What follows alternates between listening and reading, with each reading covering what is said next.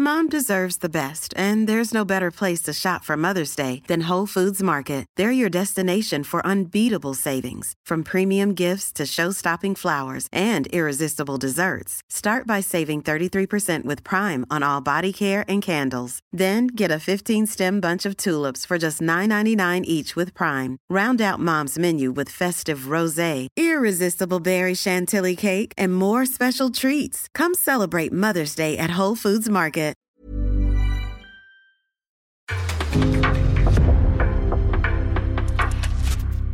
En podcast från Aftonbladet.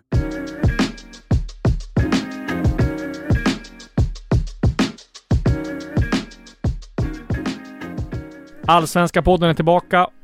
Avsnitt tre. Vi går direkt på omgången som var och du Linn har ju fått den härliga äran att besöka den fantastiska staden Sundsvall i helgen. Det var snökaos, men plogbilen fixade den där så det blev match till slut ändå. Berätta om dina reflektioner efter eh, Giffarna mot Hammarby.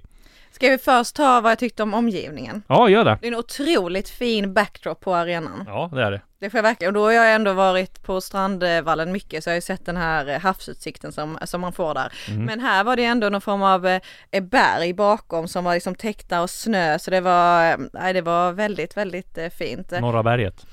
Norra berget. Eh, Hammarby-supportrarna hade ju eh, väldigt roligt med att eh, kasta snöbollar eh, under hela uppvärmningen så att plogbilen fick ju komma in. Har du kört den plogbilen eller? När du var Nej, inne? det har jag faktiskt inte gjort. Men eh, den såg ut att vara väldigt effektiv i alla fall.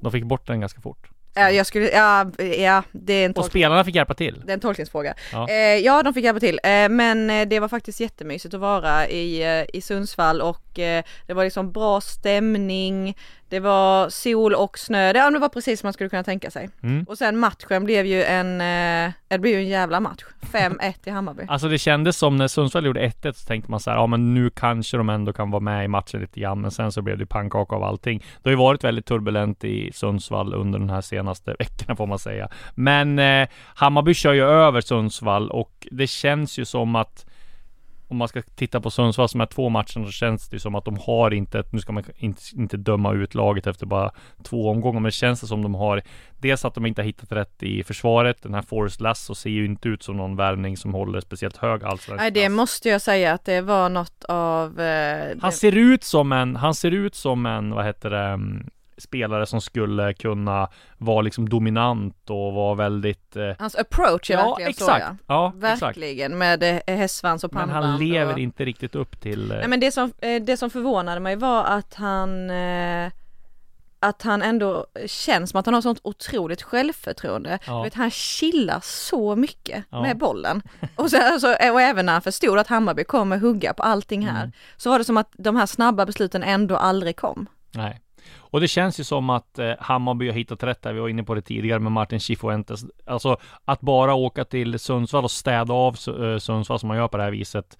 Det är ju ganska imponerande. Och sen så får man ju säga att han har hittat sin startelva eh, ändå nu med tanke på det har varit lite frågetecken kring backlinjen och mittfält och sådär men att Viljot Svedberg kommer in och gör sånt här fantastiskt mål. Han är Selmani, Ludvigsson, eh, Bojanis. Det känns som det är Jeppe Andersson kom ju in sen. Ja, precis. Eh, och Bojani spelade ju, Han blev utbytt skadad. ja typ i 17 jag tror att Ja. Hammarby hade gjort eh, sitt första eh, mål där i alla fall. Ja, Eh, och då tänkte jag att det var så här att han, alltså det var ju jävligt kallt. Mm. Så jag bara, nu pallar han inte mer. Alltså det var, nej. det var 20 minuter, sen var han liksom, sen var han klar. Men han hade jävligt ont i, eh, i låret, men det ska Ja. inte vara någon större fara med det. nej. Men då kom i alla fall Jeppe Andersen in, för han fick ju då börja på bänken och eh, det fanns mycket i Hammarby som eh, imponerade på mig och det är ett, det är ett väldigt roligt lag att titta på. Mm. Det, är ju, det händer ju någonting, det finns ju spelare som kan göra saker med bollen på alla positioner känns det som. Ja. Och det är lite på gott och ont för att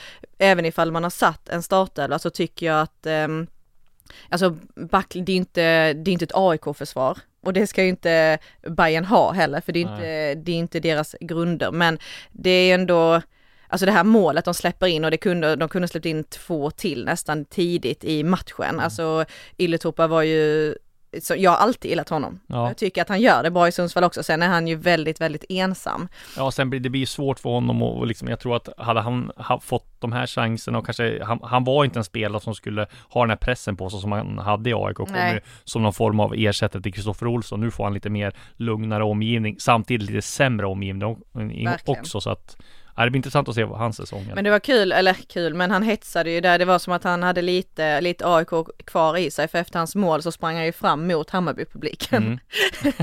och, och hetsade Det ligger kvar det där. Nej men då fick han några snöbollar på sig. Ja. Eh, men annars var det ju jättekul att se eh, Williot Svedberg. Mm. Eh, han ser faktiskt inte, alltså när man ser honom på stan så ser jag ju inte, alltså alla fotbollsspelare har liksom den här approachen om att vara eh, fotbollsspelare. Man kan, man har lärt sig det här yrket att se vilka som är fotbollsspelare. När man tittar på William Svedberg så ser han väldigt späd och ganska ung ut så här, men är ju väldigt dominant och spelar ju som en spelare som har väldigt mycket rutin och extremt klok och jag, jag skulle bli jätteförvånad om han inte säljs redan i sommar här för att han är så pass bra. Ja, och sen fick han, alltså han är ju otrolig liksom i det offensiva och Mm. showade ju för publiken också efter att han hade gjort sina mål och alltså supercharmig liksom i det här osäkra personlighet som Mm. han har utanför planen. Men han får ju också mycket skit på planen. Alltså jag skrek på honom nu tror jag, alltså hela matchen för att han inte gjorde det defensiva jobbet. Vem skrek på honom? Jaesh. Ah, Okej. Och eh, på presskonferensen efteråt så var Martin med så här, han bara, han är jätteduktig, vi kommer göra allting för att han ska utvecklas, men det finns också eh, brister liksom som, som man också behöver jobba på. Ja men grejen var ju att jag hörde också när de var i Marbella att, att eh, Cifuentes var liksom inte så här eh, jätteövertygad om att han skulle vara en man för startelvan. Eh, men det känns ju som att han gör allt för att övertyga tränaren om att han är det. Samtidigt så, det ska bli spännande att se vilken roll han får här kommande matcher. Ja men eh, också efter matchen eh, vill ju alla prata med honom och det Mm. är han ju inte superbekväm med. Eh, och så typ, eh, ja men så sa jag så här, jag bara om du var värd 50 miljoner inför den här säsongen, hur mycket är du värd nu? Nej men det var Det var inte, inte så att han sa 100 liksom. var inte aktuellt. det var det inte. Men du, på tal om Hammarby så var jag ju ute på eh, Tele2 och eh, väntade in eh, nyförvärvet Travalli. Bobakar Steve Travelli, det känns Mm. mer och mer som han kommer bli en ruskig profil, det har vi sagt länge nu, men nu har han väl landat och är spelklar va? Sa han någonting om det? Eller sa Jansson någonting om det? Eh, ja, Jesper Jansson eh, eh, kliade sig lite där i bakhuvudet och var orolig för eh, att eh, den här förläggaren som ska sköta pappersarbetet eh, skulle vara Djurgårdare eller för Ja, då- de har ju en historia där när Vladimir Rodic skulle bli klar om att eh, det var väl jätte eh, en snackis då om att eh, han inte blev spelklar. Rodic tog sån tid och då gick Jansson ut i medierna och sa att man kan ju undra vilka lagsympatier handläggaren hade. Och då var det snack om att det var någon som var som, det var något derby där som skulle spelas så, Mm. om det var han var AIK eller Djurgården. Men nu ska det väl, han, de hoppades väl att han skulle bli spelklar mot Mjällby va? Ja, och det är ju Ja. nog nästa hemmamatch och det Ja. var ju det Travalli sa med och han var ju inte med uppe i Sundsvall och det kanske var en jävla tur det för att det var ju så fruktansvärt kallt. Ja, Det hade inte varit bra första match för honom. Nej, men det ska bli alltså verkligen spännande att se honom för att eh, det kändes som att eh, jag väntade in eh, när Amo kom förra året Mm. och det var ju lite annan approach på honom när han kom. Love som är eh, pressansvarig i Hammarby var ju svettig som fan för att de fick åka och hämta Amo för han låg ju så fortfarande och där stod liksom, där stod typ då, presskåren liksom och skulle fota och det skulle Ja. bli intervjuer liksom. Sen kom han ju insläntrades med Travalli kändes ändå som att det var väldigt seriöst från början och precis som han sa, han har gjort sina pengar, nu vill han göra sin karriär, han vet att sin, hans familj kommer ha Ja. mat på bordet liksom. Så att eh, det ska bli eh, jätteintressant, sen är det inte det säkert att han presterar på planen, det är ju Nej. väldigt annorlunda, men han kan ju liksom enligt honom själv spela på alla offensiva positioner. Ja. Det ska bli spännande att se hur de använder honom, hur han är tänkt. Det måste ju sen, känns ändå som han är centralt och måste användas eh, främst att de istället flyttar ut till Ludvigsson eller Selmani om de ska spela med han då. Mm, sen har Besara varit otroligt bra. Ja, precis, men då får väl han ta någon form av mittfältsroll då, offensiv på mittfältet känns det ju som. Mm, men eh, det blir i alla fall spännande nästa omgång, då är det alltså Hammarby, Mjällby, två lag som båda har vunnit sina två första matcher. Ja, och vi måste ju komma in på Mjällby också. En superskräll får man säga när de vinner mot Djurgården. Eh, De har två segrar i rad. Jag får väl, eh, ja, efter två omgångar få säga att jag var den som var skeptisk till Mjällby. Jag hade dem på nedflyttningsplats. Det Jag pratade hade de med tränare. Oj, hade du på sju? Oj, jäklar. Ja, det är bra hittills. Eh, men vi får ju se, det är 28 omgångar kvar. Men när jag pratade med Andreas Br- Brännström då, tränaren som har varit aktuell för varenda klubb känns som i Allsvenskan, men som nu fick Mjällby då. Och han har väl gjort ett jättejobb, ser det ut som i alla fall nu, för man får ju tänka att de hade Jakob Bergström skadad. Mm. De fick en ny eh, tung skada igen. Så att eh, han har gjort det väldigt bra på kort tid och de ser ganska stabila ut. Jag menar, vinner man mot Djurgården så och har två raka segrar på Allsvenskan. I de inledande två omgångarna så får man säga att det är ruggigt imponerande. Väldigt imponerad av Adam Ståhl som eh, Mm. tidigt liksom har gått in och blivit en sån stor eh, och viktig figur i eh, Mjällby om man nu ser på de här två första matcherna. Mm. Också väldigt viktigt för Mjällby att sätta skräck i motståndarlagen som kommer till Strandvallen. Det är lite det Ja, man det är deras får, borg. Ja men så är det ju verkligen. Mm. Eh, och vi pratade lite om det här innan att nu eh, har ju Samuel Brolin då hållit två raka nollor. Mm. Eh, och blev det noll mot Elfsborg? Ja. Eh, och nu eh, förra säsongen så höll ju Carl-Johan Eriksson åtta raka nollor på Strandvallen. Så ehm, det känns, eh, ja men det känns, det var ju, det är ju helt avgörande för Mjällby att få en sån här start. Tänk om de skulle få en Sundsvall-start.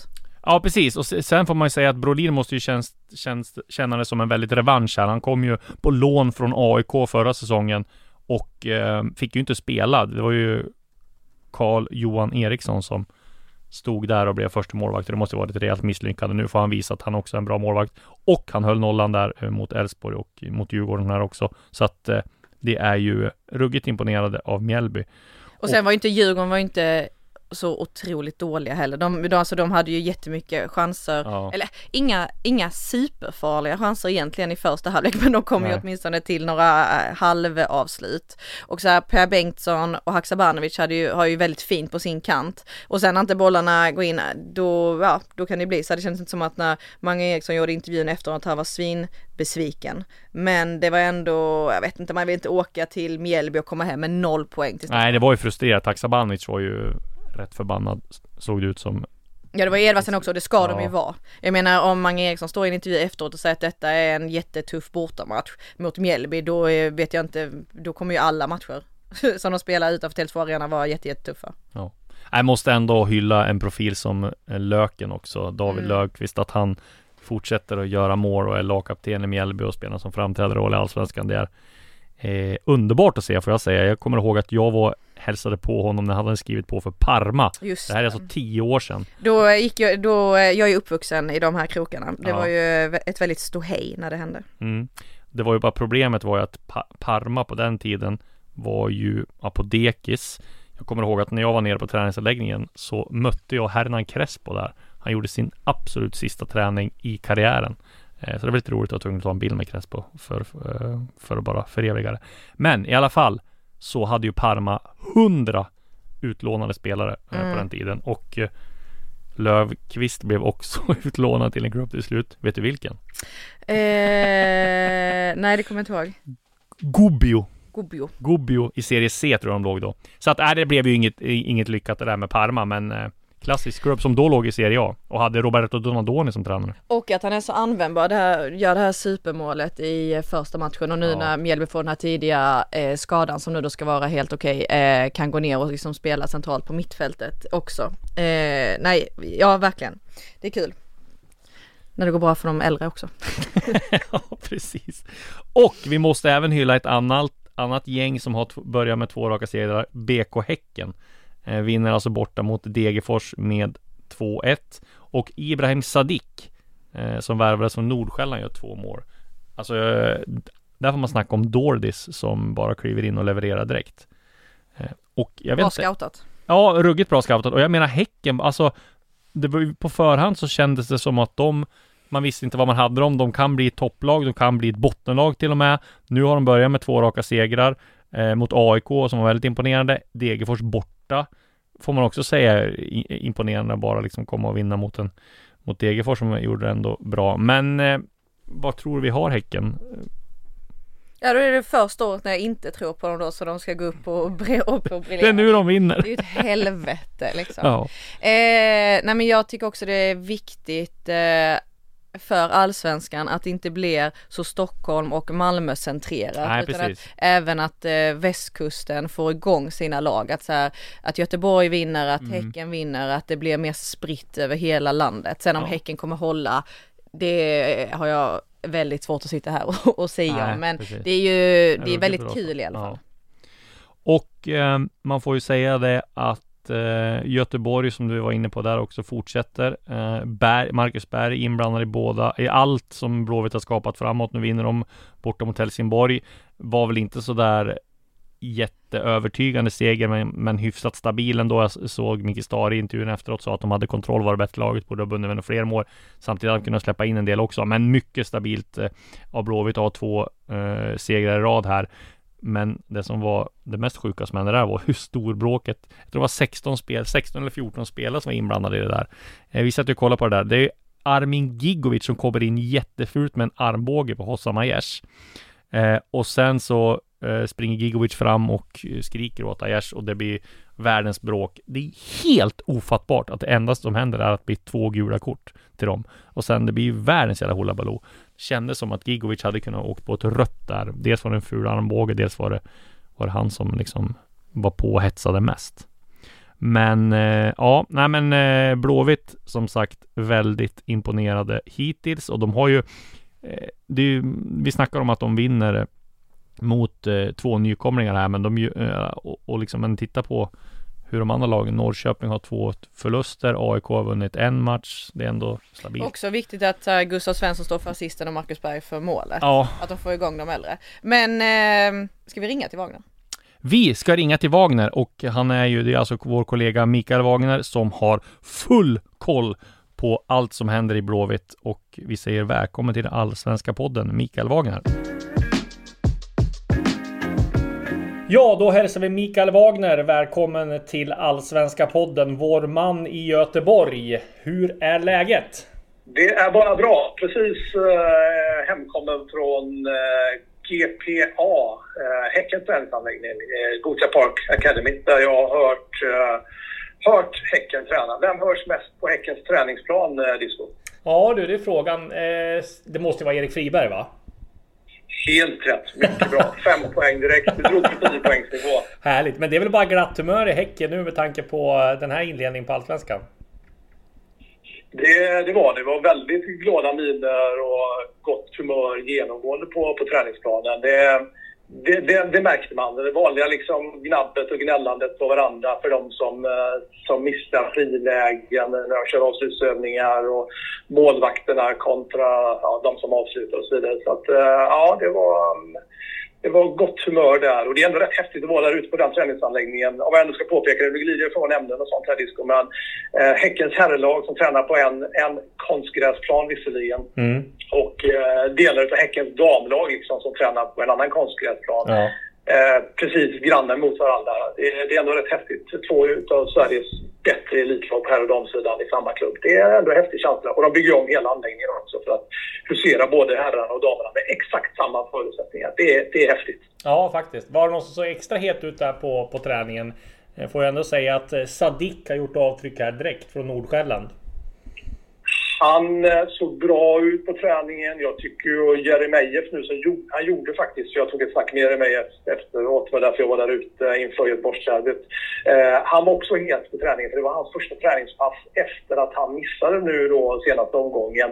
Inte på grund av den här magsjukan som han hade i samband med första matchen, utan han och eh, han och, nu kommer jag inte ihåg vem det var mer som missade andra matchen här på grund av halsont. Så Mm. han gjorde sitt första träningspass här nu på ett antal dagar. Så han var som en kalv på vårbete. Ja, Jag kommer ihåg när jag var nere, vi var nere för Göteborgs premiär där, Det var ju snackisen där eh, Jeremejeffs tre mål eh, mot, eh, mot AIK. Han har ju sett ganska kall ut på försäsongen. Man får ju säga har steppat upp rejält.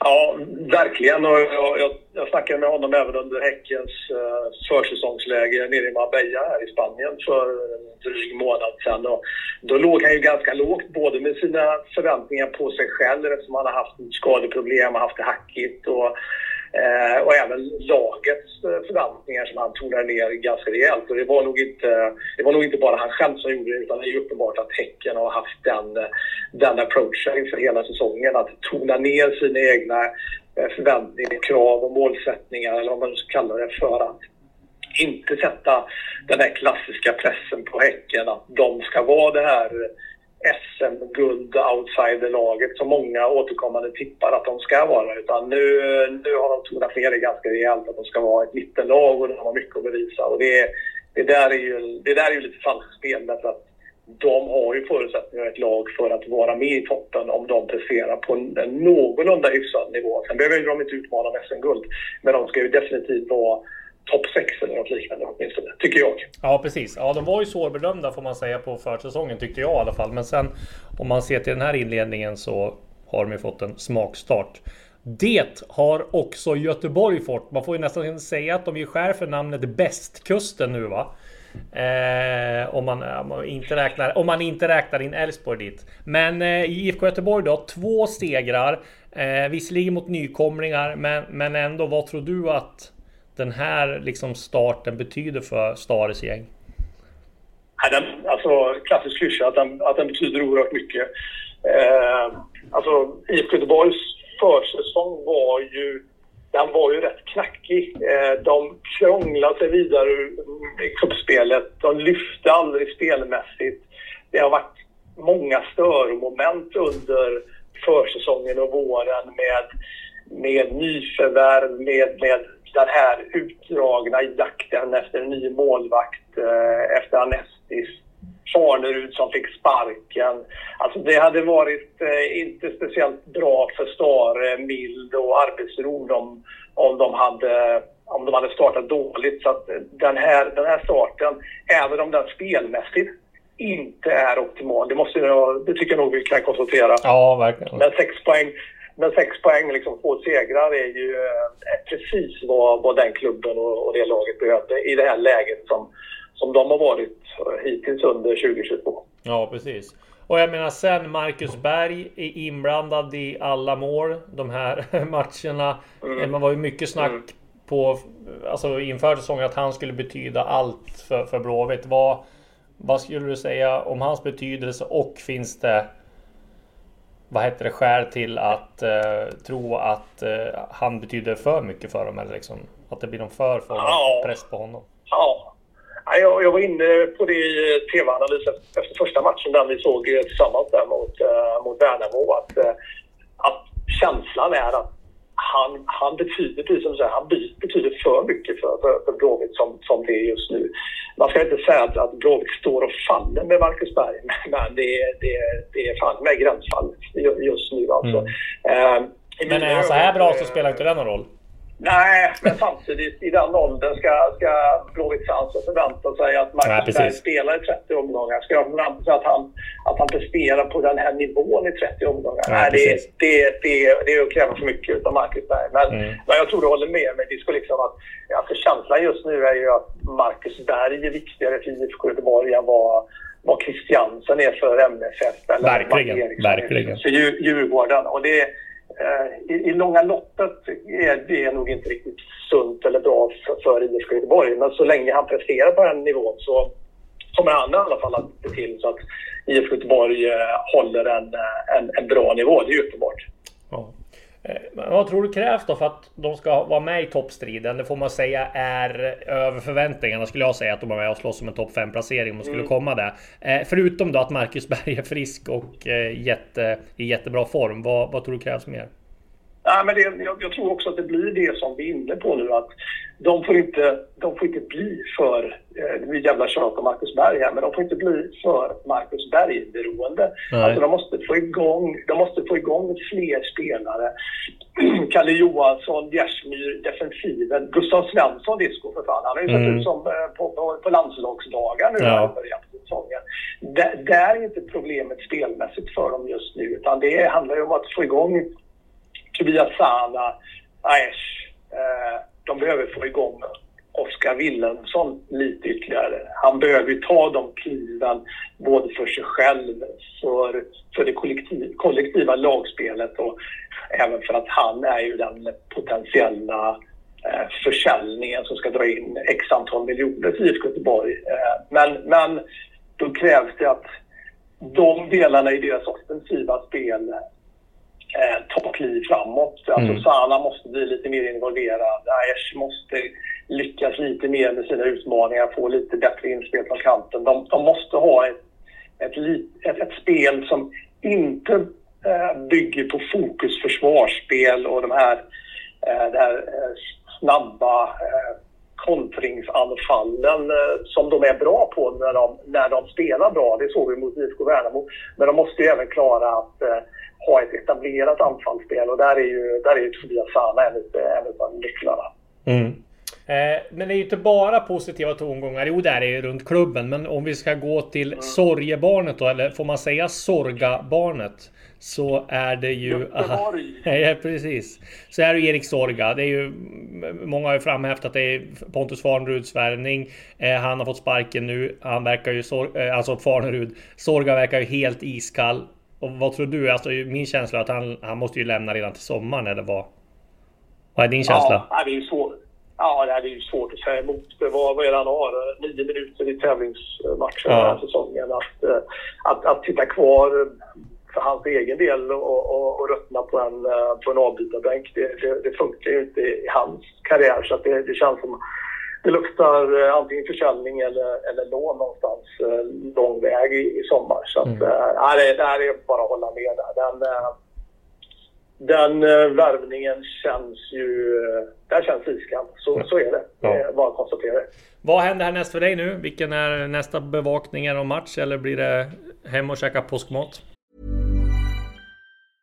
This Mother's Day, celebrate the extraordinary women in your life with a heartfelt gift from Blue Nile. Whether it's for your mom, a mother figure, or yourself as a mom, find that perfect piece to express your love and appreciation. Explore Blue Nile's exquisite pearls and mesmerizing gemstones that she's sure to love. Enjoy fast shipping options like guaranteed free shipping and returns. Make this Mother's Day unforgettable with a piece from Blue Nile. Right now, get up to 50% off at BlueNile.com. That's BlueNile.com.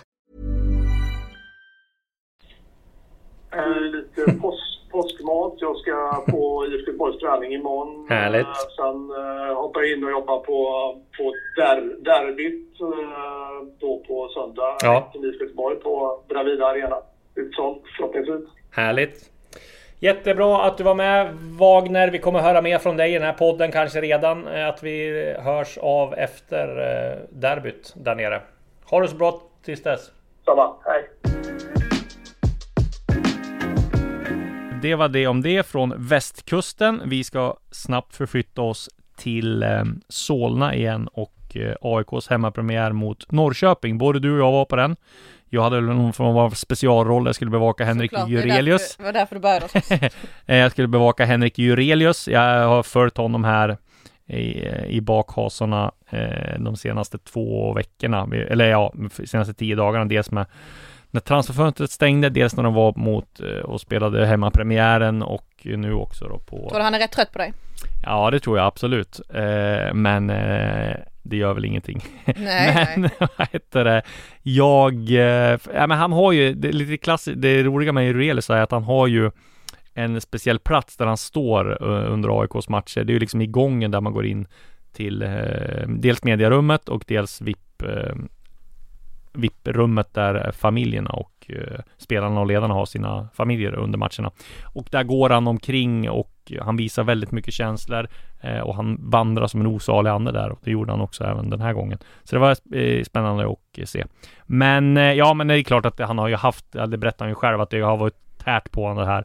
Dels att de fick klart sina nyförvärv så sent och det är han ju ganska öppen med. Han fick ju lite kritik där när vår kollega Malin pratade med Micke Lustig och menade på att det kom in värvningar lite för sent, att man skulle ha det här på plats, inte kanske sista dagen på fönstret. Och det, det menar han också att eh, det tar de till sig av. De ska analysera det här januarifönstret och ta liksom och se vad de kunde ha gjort annorlunda för att han menar också på att det inte är optimalt att vi inte har truppen spikad, att det kommer in värvningar så sent som det gör. Nej men vad fan får man in Jordan Larsson och han kan göra två Ja, träningar precis, och sen gå in precis. i en startelva då Så är det ju. man ska såga Men sig själv som får ju, nej men du får, det, det håller jag helt med om. Men samtidigt så tror jag också att transferfönstret är ju ganska långt. Det är ju från januari till april. Så Mm. man borde ju kunna kanske sätta om man har lite framförhållning. Men jag tror fortfarande att det handlar om att de trodde, alltså de visste, de var nästan säkra på att de skulle göra klart med Guidetti till våren också. Så att jag tror att det handlar mycket om det. Men de ska i alla fall analysera och det är bra att man har liksom sån självkritik får man ändå säga. Vad tyckte du om deras tifo? Jo, men det var ganska snyggt. Det var ju Och- ingen tredje båt. Nej, det var det inte, men det ligger ju väldigt mycket jobb bakom det. Det var fint med, med bengaler och det var liksom, men det var ju liksom inte, vi såg att Fint vår... med bengaler. Ja, men jo men det är det väl. Det tillför ju stämning, men... eh, Jag ju... släpper den bollen. Ja, precis. Men eh, däremot så eh, såg jag att vår kollega, om det var Per Boman, som skulle ranka tifona och där var det, tror jag, var Hammarbys först och Göteborgs tvåa. Och det får man hålla med om. Det var ju inte samma klass på det tifot, men det var, jag tyckte ändå det var, var snyggt. Men Ja det var jätte, alltså det var Ja. ju en, en jävla inramning. Ja, det var det ju. Absolut. Men det fanns tifona som, som var snyggare. Däremot så var det ju bra tryck på Friends hela tiden. 27 500 som skapade en bra stämning. Och de fick jubla till slut. Ja, det var det till slut, det gick ju snabbt. Jag vet, men, eh, Men man, de ju- vågar väl inte ta ut segern för, i, i, innan eh, matchen är Du slut. tycker att Norrköping låg på? ja, nej då, men eh, 1-0 av Alexander Milosevic, vilket ändå får klassas som en liten målvaktstavla av Oskar Jansson va? Ja absolut och en, eh, alltså en försvarsmiss, alltså han var ju Ja. inte markerad. eh. Nej, men ändå ska om Oskar Jansson Ja, jag- går ut så absolut. ska han liksom komma först på bollen. Han missar ju bollen och så kan Ja, han, Milosevic ja, in. det såg också som att han inte ens skulle försöka ta det utan han skulle bara boxa bort den. Mm. Och sen så hoppade Milosevic upp ja och eh, eh, jag sa, det till honom efteråt sen jag mixade, jag bara blev du överraskad att du hade så lite markering? Han bara vadå det var tre spelare på mig? Ja, exakt. Ja, nej men eh, välförtjänt vinner ju AIK och Norrköping har ju ett jätteläge där när Totte Nyman når först på en, eh, nick, en ett inlägg Mm. som han nickar ner och Det blir en vänsterfot Ja, ut på Nordfält. precis, ja. Ja. det var ju, där kunde det ha blivit ett och då hade ju varit eh, skillnad mellan succé och fiasko både för då hade ju Norrköping varit jättenöjd med en poäng och AIK hade varit knäckt över att inte eh, vinna hemmapremiären. Ja, Men det gjorde de. gjorde ju också flera viktiga räddningar Ja, sen. Det var ju exakt. på den hörnan som, som han inte agerade kanske. Men jag får ändå säga att det var rättvist och man ser ju här att Bartos Gelak har gått tillbaka till grunderna. AIK stabila bakåt, täppte till, släppte inte till speciellt Sotte mycket. tillbaka, Sotte tillbaka. Lustig ut på sin kant. Exakt. Och så slängde de in Jordan Larsson direkt och som gör det ju väldigt bra. Han fick matchens lirare. Mm. Kanske, ja, nej, det kanske han var till slut ändå. Vem tycker du annars konkurrerar med? Ja, precis. Jag satt precis och tänkte på det här. Vem skulle det här kunna varit då?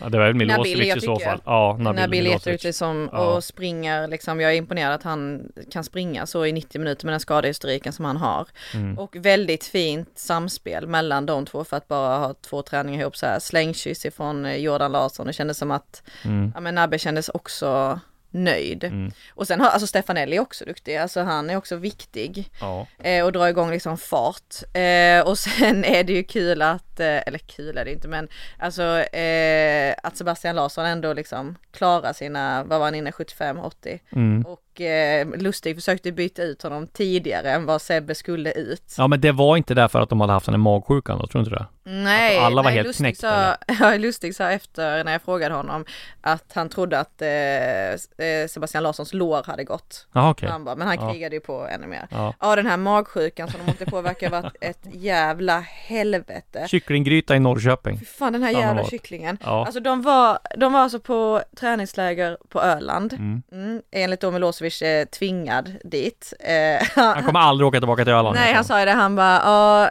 man spelar i AIK då är det Sälen och Öland. Han bara, det är fantastiskt. eh, och sen så åker de från Öland, stannar till i Norrköping och eh, ja det sa de att det kanske var Norling som hade ett finger med i spelet för vem fan stannar i Norrköping när man ska möta Norrköping? Nej exakt. Och ja, hela laget förutom typ två spelare åkte på en magsjuka utav helvete. Och vissa var, vissa var inte ens friska till matchen sa de, utan de fick käka tabletter. Ja ska Fortfarande. jag käka Ja. tabletter. Han sa att han var den som drabbades värst. Eh, nej men eh, det var väl jättestarkt av dem att eh, gå in då om de har legat så sjuka. Mm. Precis, och eh, om vi ska gå... Norrköping måste Ja. jag bara säga med. De håller ändå alltså de håller ändå ihop det och är Mm. tålmodiga och liksom försöker och lyfter bollar till slut och man Mm. ser att det finns, det finns ju en vilja och det finns ju mycket potential och sen, sen når de liksom inte hela vägen fram till riktigt farliga målchanser. Nej, det jag slogs av det är att det är lite tunt där framme. De har Levi, de har Totte Nyman. Sen är det inte så många liksom tunga pjäser men det, och det är ju framåt. två väldigt bra spelare. Ja, verkligen. Sen var de ju väldigt tagna av det som har hänt. Ja, med Cassini som är sjuk och vi hoppas ju att han snart är tillbaka på Ja. planen, även om det verkar väldigt allvarligt. Men som Jonathan Levi sa efter matchen, alltså det, kändes som att han var rätt så nära till gråta när han skulle Mm. förklara hur det här har varit och att eh, deras eh, lagläkare inte ville att de skulle spela matchen, att Nej. de var så eh, ur balans. Eh, Sen var det så- vackert att se hur de hade tröjor med nummer 26 och så hade ju Klack, eller Norrköpings supporter också en hyllning till honom i. Mm. Så det var fint att Men det blir tufft nu för Norrköping. Nu har de alltså Djurgården i nästa match Ja, borta. borta, ja. Mm, exakt, och Djurgården eh, ja, måste ju med vinna eftersom att de förlorar mot Mjällby borta. Men eh, det blir lite arbetsro i eh, AIK efter den här eh, Ja, det tror jag var, det märktes på Henrik Jurelius. Jag pratade med honom efteråt och då sa han att han var lättad och att han skulle ta ett glas fint rött vin och njuta Mm. den här kvällen och sen var det bara att börja jobba. Ja, sen är det ju igen. Malmö FF. Ja, sen är, den blir eh, ruggigt intressant. På torsdag va? Mm. Eller är den på- nej, till och med Nej, den är det här- på lördag. På lördag, Mm. så är det. Eh, ja, det blir svinspännande och eh, Malmö FF fick alltså inte med sig tre poäng. Nej, jag såg den matchen. Det var jätteunderhållande match får jag säga. Två bra lag som vad heter det, gjorde, äh, men gjorde det bra offensivt. Eh, Malmö tar ledningen planenligt. Och då Vi- Birman Sevic gör ett fantastiskt klackmål eh, som är väl ett av de snyggaste får jag säga i alla fall. Eh, I år. Som har gjorts i år, ja. Omgång precis. två. Omgång två. ja, precis. Men det får man säga. Det, vi kan slå fast att det är det snyggaste. Mm. Selmani kunde ha gjort det absolut snyggaste. om den- Viljot Svedbergs mål var Ja det var också snyggt, men det här är ändå. Jag gillar sådana där klackar när, när de kommer in där Däremot så får man säga att Malmö var ju Tagna av att de hade det skador Kjell var ju inte med till exempel och det var lite virrigt med Lasse Nilsson och Att Malmö ska vara tagna av skador. Jo men är- ja, fan, jag tyckte alltså. ändå det såg eh, När Hugo Larsson kom in där och gjorde det jättebra liksom men Mm. det, Om du ser på 1-1 målet så är det ju ganska virrigt i försvaret Så att eh, ja Milos Milojevic var inte nöjd. Han gjorde en Rickard Norling och tog på sig vad hette det, eh, förlusten, eller förlusten. Han tog på sig att de tappade poäng och menar på att det är mitt ansvar att se till att vi ska vinna. Mm. Sen var det fantastisk inramning också tyckte jag på Eleda stadion. Och eh, jag gillar den där låten. Och vi älskar Malmö FF. den är ju, jag tycker att den är pampig på något vis och den eh, sätter liksom tonen och det är ju, är det Mattias Conchas eh, morbror va, som sjunger eller farbror? Har du inte koll på det? Nej, det är det. Nej, men jag, den gillar jag och det blir liksom, man, man minns tillbaka från när de var i Champions League och sådär så att, nej men, Men grym är det inramning. inte också eh, optimalt för eh, oss, eh, ja, oberoende som tittar utåt sett på att det bara ska Mm. vara spännande och, eh, icke så objektivt. Eh, att eh, Malmö tappar poäng. Jo men det är det ju, för allsvenskan är det. Det hade varit tråkigt om de stod på liksom eh, två av två efter, så det blir Mm. lite jämnt i alla fall. Mm. Eh, men däremot så är det inte lika roligt för Malmö FF. Men eh, det blir ju en eh, direkt spännande match här nu på, som vi var inne på, AIK mot Malmö. Ja, jag tror AIK också lärde sig jättemycket från när de möttes i kuppen. Ja, Alltså det var fan inte långt ifrån att de, eh, att de slog Malmö där. Jag tror också att Malmö kan vara lite skärrade ändå för det. De hade ju några domslut där som gick eh, deras väg och Mm. det kanske de kommer ha den här gången också. Men rent spelmässigt så var ju AIK inte långt ifrån att slå dem. nej. Och eh, det ska bli intressant. Isak Helin rev ju och slet och var ju nära att göra mål där, men han var kanske inte lika bra som han var i första matchen. Det blir intressant att se när han får en match till och vilken roll han spelar mot AIK. Det kommer bli en hyfsad match i matchen mellan Kiese Thelin och Alexander Milosevic som gamla U21 lagkamraterna. Tror inte Jordan Guldhjältarna. Larsson är helt osugen heller på att visa upp där nere i Skåne Nej, han går för. precis. Nej, det, och det blir också eh, ruskigt spännande. Ja, nej, det, det känns som det är alltså, viktiga matcher direkt här. Nu var det ångestmöte mellan AIK och Norrköping här se- senast och nu blir det Djurgården mot Norrköping. Och den Norrköping. ska Det blir på. halv ångest igen Mm. och sen blir det Malmö AIK också så att det är godbitar att se fram emot och sen omgången efter där är väl Där. AIK Djurgården va? Exakt. Härligt med, all, härligt med Det är så jävla kul allsvenskan. att bevaka allsvenskan. va? Ja, det är det faktiskt. Men en match som inte var lika rolig, eh, totalt iskall får vi säga var den mellan. Värnamo och Sirius 0-0. Där var det ju så att eh, Sirius tränare Daniel Bäckström missade matchen för att han var sjuk va, tror jag. Så att eh, det var ju lite minus för dem också. Det var väl Värnamo som var det bättre laget där får man säga och hemmapremiär och sådär. Men 0-0. Ja, jag vet inte. Det är sådana här matcher som Värnamo ska vinna framförallt om de Eh, bra att de får med sig en poäng och spelet mot eh, mot eh, Göteborg var ju riktigt bra men det är ändå tre poäng som måste ta i de här. Sirius är ju ett förväntat, vad ska man säga, mittenlag. Och ska man liksom hålla sig kvar så är det ju sådana här matcher man ska vinna hemma. Nu är det ju bara omgång två och sådär och Värnamo har ju sett bra ut men jag tror ändå att det kan bli kostsamt på sikt om man inte tar tre poäng i sina hemmamatcher mot ja, förmodade mitten eller bottenlag. Det blir kul med för eh, Travalli om, han, om nu papporna blir klara att få göra sin eh, debut på Tele2 inför, eh, inför hemmapubliken. Mm. Ja. Han drog igång någon liten ramsa själv där ju, han hade ju en sång om sig Ja, själv. det såg jag. Det var ju... Var lite låg, han var lite låg med. Han var, han blev lite blyg för dig tror jag när du körde fram mikrofonen där. Men han, eh, Vad skulle jag göra? Han sa Nej. att han var en good singer. Ja.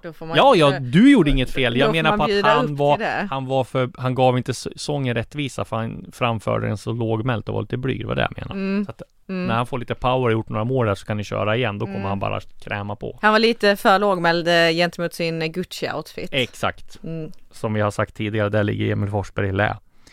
När man såg den bilden på han, den här Gucci över hela sig. Yeah, I'm a good singer, so I'm gonna start learning about the songs and I'm gonna singing along when we win every game. Okay, can we, can you give us something? Just a tryout? Okay, which song do I sing? Actually, there is a Gambian artist who made a song about me, so I'm gonna sing that song. Stay on my grind, get the money, You don't get fed up. Take all my homies in the club, you know we can turn up. Man man get some my own, man get them yum yum. Still I'm balling hard, like I'm Steve Trawale. Sista matchen då var ju Varberg mot Kalmar. Det var liksom inget snack. Kalmar gjorde processen kort. Eh, Simon Skrabb kom igång, gjorde mål. Det tror jag är extremt viktigt för dem. Nej, det är helt avgörande. Ja, det tror jag också. Alltså, gör, kommer han, alltså om han kommer tillbaka till sin form när han blev såld från Norrköping till Brescia, då tror Ja. jag att de, Kalmar kan vara med och slåss på allvar i toppen. Eh, och de ser ju bra ut. Ja och bra för dem, de fick ju, det var ju en riktigt tuff match de fick börja den här allsvenska säsongen med. Mm. Så det är bra att de fick studsa tillbaka nu, för att eh, de, eh, det är ju ett bra lag. Verkligen, får vi säga. Vad ser vi fram emot mer då, den här kommande? Det är påsk. Ja, ja det ser vi Alltså och det är verkligen en fram emot. otrolig påskomgång. Det blir en påsksmäll. Ja, ja men jag tycker vi borde ställa in påsken, jag vet inte hur man ska få ihop detta, men jag skulle vilja vara, både vara på Hammarby-matchen och sen ner till Malmö också. Men då, då blev det ju, det gick inte familjen med på. Så så blev det inte. Nu blir det Djurgården-Norrköping istället och det ska bli, eh, det ska bli jätte, jätteroligt. Ja, vad tror du om den matchen? Eh, jag, ja, jag tror ju, jag tror på Djurgården. Alltså jag har så svårt att se eller alltså Rickard Norling, ja han skulle kunna göra någon förändring och få igång eh, någonting i Norrköping men det var ängsligt mot AIK, var det Ja, inte och det här man-man grejen, han, alltså jag har sagt det till han måste slopa det. Men och spelarna verk, verkar inte tro på det liksom fullt ut heller. Jag tror att Det blir det där kommer dem. bli, det där kommer göra att han får, eh, får gå tror jag. Mm. Och det kändes som att eh, Jonathan Levi är ju alltid eh, glad och jättetrevlig. Alltså trots Ja, men här sågar inte han alltid sig själv också? Jo, sågar sig själv men och framförallt nu så kändes det som att eh, han var mer sökande i sina svar. För jag tror att de inte heller är helt övertygade om att detta kommer fungera i år. Ja. Och då är det ju farligt. Mm, När man känner att, att spelarna inte heller tror på det till 100%. nej. Och det såg ju inte lika självklart ut, alltså som Norrköping har ju liksom varit topplag de senaste åren. Mm. Och eh, nu mot AIK så såg det ju, såg det inte ut som det, även ifall det blev bara 1-0. Alltså Ja. det ska vi verkligen komma ihåg och eh, de hade chanser på övertid. Men eh, jag tror att Djurgården där på Tele2 och eh, efter förlusten mot Mjällby, det blir, det blir tufft för Norrköping. Mm. Vi glömde faktiskt nämna Elfsborg här som faktiskt tar en poäng mot Malmö FF och såg väldigt bra ut. Och en spelare som jag inte slutar imponeras av är ju Simon Olsson. Mm. Han gör ju målet där som visserligen är en försvarstabbe, men han får ju med fin passning från Alm och sätter distinkt dit den. Simon Olsson var också uttagen till Jan Anderssons januari-turné som inte blev av här och det känns som att Här, han förlängde sitt kontrakt visserligen så det kommer bli en dyr historia om någon klubb vill köpa loss honom. Men eh, att han går i sommar är ju absolut ingen ingen uh, omöjlighet och han kan ju faktiskt bli hur bra som helst. Det var ju nu Anders Svensson som hyllade honom här tror jag som sa att han vet inte hur bra han är. Och lite så kan jag känna också. Han borde kunna liksom mm. inte tuffa till sig eller något sådär, men han borde liksom kunna sprudla av mer självförtroende med tanke på hur bra han är.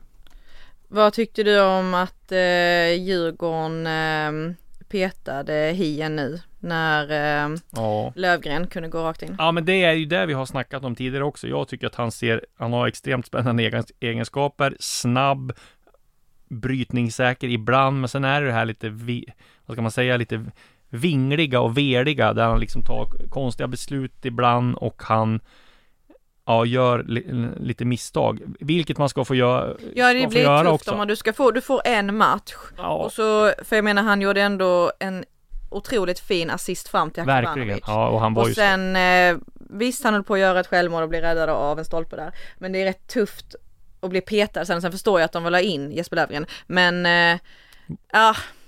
Ja, och jag menar, jag, det är klart, Kim och Tolle har ju sina favoriter och de ser någonting som inte, som inte visar, men ja, Jesper Löfgren är, känns ju som ett stabilare, men så mycket bättre än Hien är ju inte han. Nej, för att han har inte heller riktigt den, eh, ja men den offensiva spetskvaliteten. Nej, men jag tror ändå att det de tänker är att vi vill, vi vill ge Hien mer tid och att han de kanske är lite rädd för att han fortfarande är lite för oskolad och gör lite de här misstagen som vi har sett. Då är Löfgren lite mer stabilare. Så mm. jag tror att det är så de tänker. Jättebra, vet du vad vi ska göra nu? Nu har vi en... Ja du säger att du har någon form av S i rockärmen här, du ska, du ska överraska mig nu. Nu ska vi faktiskt... Är det en påskhare? det är, nej det är ingen påskhare, det är bättre än så. Vi ska ha med oss Alexander Kasaniklic eh, direkt från Split. Han är ju numera i Hajduk Split. Eh, spelat i Hammarby, eh, han har spelat i ja, Fulham tidigare, han har spelat i Nantes, han har, ja, kommer från Helsingborg ursprungligen, alla vet det där. Men eh, nu så... har spelat i Mjällby. ja, exakt. Men nu så um, var han ju aktuell för Rosenborg här senast i eh, vinterfönstret och det var ju nära men det sprack precis. Vi ska snacka med han om det, vi ska snacka om Hammarby. Det här är ju en allsvensk podd. Eh, han är ju numera ingen allsvensk profil, men han har varit en allsvensk profil, förknippas med Hammarby, kan kanske lika gärna vara tillbaka, eh, aktuell för Hammarby i sommar, det vet man inte heller. Eh, vi ska ta och höra hur livet är med honom i eh, Split i Kroatien. Ja, då hälsar vi Alexander Kacaniklic välkommen till Allsvenska podden. Hur är läget i Split? Eh, tack så mycket, tack så mycket Danne. Det, det är bra här nere. Eh, det är det. Jag promenerar runt lite här i solskenet faktiskt. Så att eh, nej, allt är bra. Jag har haft ett träningspass här på förmiddagen. Hur, är, hur har tiden varit där nere sedan du kom dit? Det var väl drygt ett år sedan du skrev på, eller var det? Ja, ungefär vad det varit här nu. 14-15 månader tror ja, jag. precis. Ett och ett halvt. Eh, snart, ja, en och en halv säsong här snart. Ja. Eh, men det, nej, men det har varit bra. Eh, det har varit väldigt eh, eller det har varit bra socialt har det varit eh, väldigt, eh, väldigt bra när fotbollen eh, börjar väldigt bra. Um, och sen, sen har jag haft lite otur med, med skada och tvungen att opereras därefter eh, redan i, i somras faktiskt. Mm. så jag har miss, missat väldigt många månader men börjar, börjar komma tillbaka nu igen. Ja. Till full form. Så att den biten har varit lite upp och ner men annars har det varit väldigt bra här nere. Ja, du, eh, hur, man har ju hört, jag pratade lite grann med Jens T Andersson här, han var ju sportchef där nere ja. Eh, i Kroatien. Han har ju berättat mycket om det här enorma intresset för fotbollen. Hur, eh, hur märker du av det och hur, skulle du beskriva intresset för just en klubb som Hajduk Split? Ja, men det, det, håller jag med honom om. Det, det är otroligt stort. Va? Det är det. Det är, um, egentligen inte bara här i, i Split då för laget utan hela dalmatiska kusten och enormt intresse. Eh, folk har full koll, folk följer. Vi har eh, på matcherna nu när de öppnat upp för full publik igen så är det ett grymt tryck och hela den biten. Ehm, även, även bortamatcher eh, så har vi oftast flest fans på arenan. Mm. De flesta bortamatcher också. Så att nej, det är ett enormt tryck och intresse runt klubben. Är det, är det sånt där klassiskt som man hör som det brukar vara att när ni vinner så får du äta gratis på på restaurangerna och när de förlorar så, så är de förbannade. Då får ni betala Ja, dubbelt. Ja, man går inte ut. Om man, är det förlust då, då, då håller man sig inne. Förlust eller lika, då håller du dig inne. Vinst så är det, så är det fantastiskt. Och som du sa, då, då bjuds det. ja, jag förstår det. Du, du hade ju Jens Gustafsson där. Han var ju där en kort tid. Berätta lite grann hur, Ja. hur du tyckte han var och hur det funkade med honom. Nej, men du, eh, för det första, eh, han är grym Jens. Både som eh, människa, kom väldigt bra överens och även som, som tränare. Och synd att han bara var så kort tid. Men det är lite, det är lite så här i den här klubben. Det är, det är ett enormt tryck och intresse och höga krav. Um, Mm. Och det gick, det gick väl egentligen ganska bra också för med Jens. Men sen fick vi några resultat som inte gick, gick så bra. Då, då ofta så sker det en förändring här nere. Ja. Eh, De, de har haft, detta är min tredje tränare och har varit en och, en och en halv säsong. Så att det, det, är lite, det är lite så. Det är väldigt höga, höga krav och mycket press här. Um, Men Jens han var, han var omtyckt av, eh, av folk runt omkring klubben och sånt. Så att det, det var kul, nu roligt för honom att vara här också. Ha Bra, bra upplevelse. Ja. Och han har ju ett väldigt fint jobb nu också. Så att, Ja, exakt.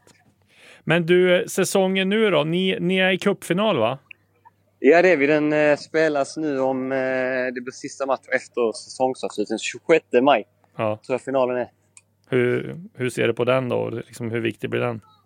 Nej, men den blir viktig. Det sen det blir klart så är det, det är vad folk har pratat om. Nu, eh, vi har ju haft ganska klara mål för det har, det har skett en satsning här nu in i klubben senaste eh, två åren ska jag säga. Sen det kom en ny president.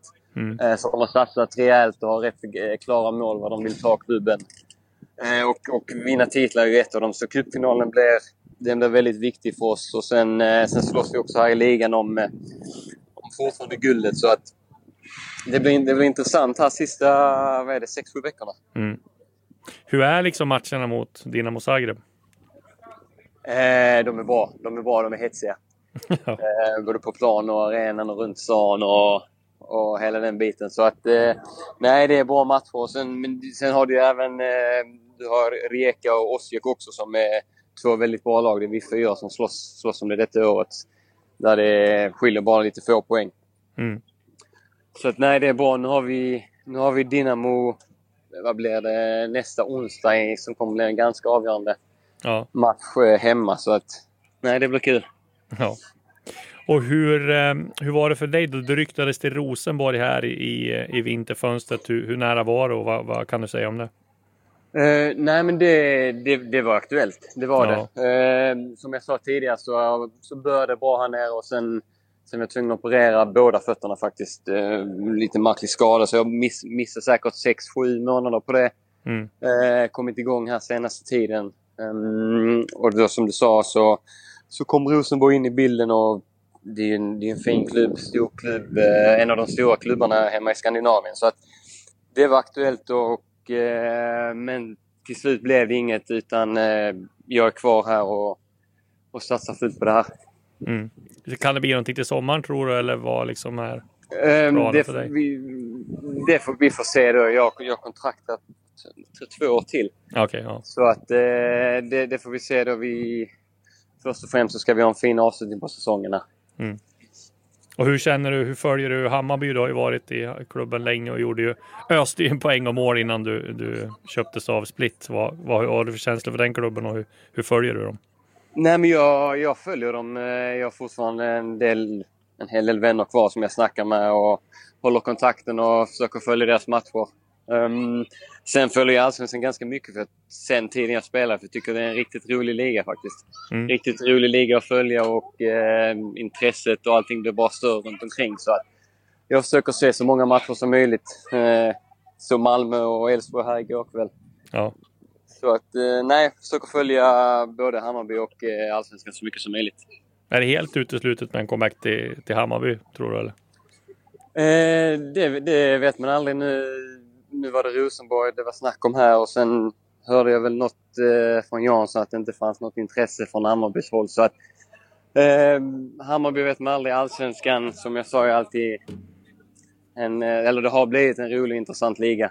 Mm. Eh, för egen del. Det har, väl, det har alltid varit det, men för egen del har jag fått upp intresset för det sen min tid där. Och vad händer härnäst för, för dig nu då? Är det träning imorgon och sen har ni match på? Eh, vi har match på fredag eh, ja. mot Gorica hemma. Så att eh, ja, träning, träning imorgon som vanligt. Ladda upp inför matchen och så hoppas jag att man får bidra till lite bra grejer här på, på slutet. Härligt Alex! Då tackar vi dig så är det bara att köra hårt där nere i Kroatien så länge. Det ska jag. Tack så mycket! Ja, och med det så tackar vi för den här veckan. Eh, på återhörande om en vecka. Nu ska vi fira lite påsk och så ska vi eh, kolla på lite allsvensk fotboll, både i slutet av veckan och i helgen. Så är vi tillbaka nästa vecka med avsnitt fyra av Allsvenska podden. På återhörande. Mom deserves the best, and there's no better place to shop for Mother's Day than Whole Foods Market. They're your destination for unbeatable savings, from premium gifts to show-stopping flowers and irresistible desserts. Start by saving 33% with Prime on all body care and candles. Then get a 15-stem bunch of tulips for just $9.99 each with Prime. Round out Mom's menu with festive rosé, irresistible berry chantilly cake, and more special treats. Come celebrate Mother's Day at Whole Foods Market.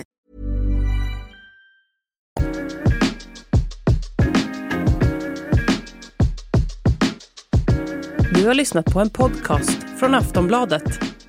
Ansvarig utgivare är Lena K Samuelsson.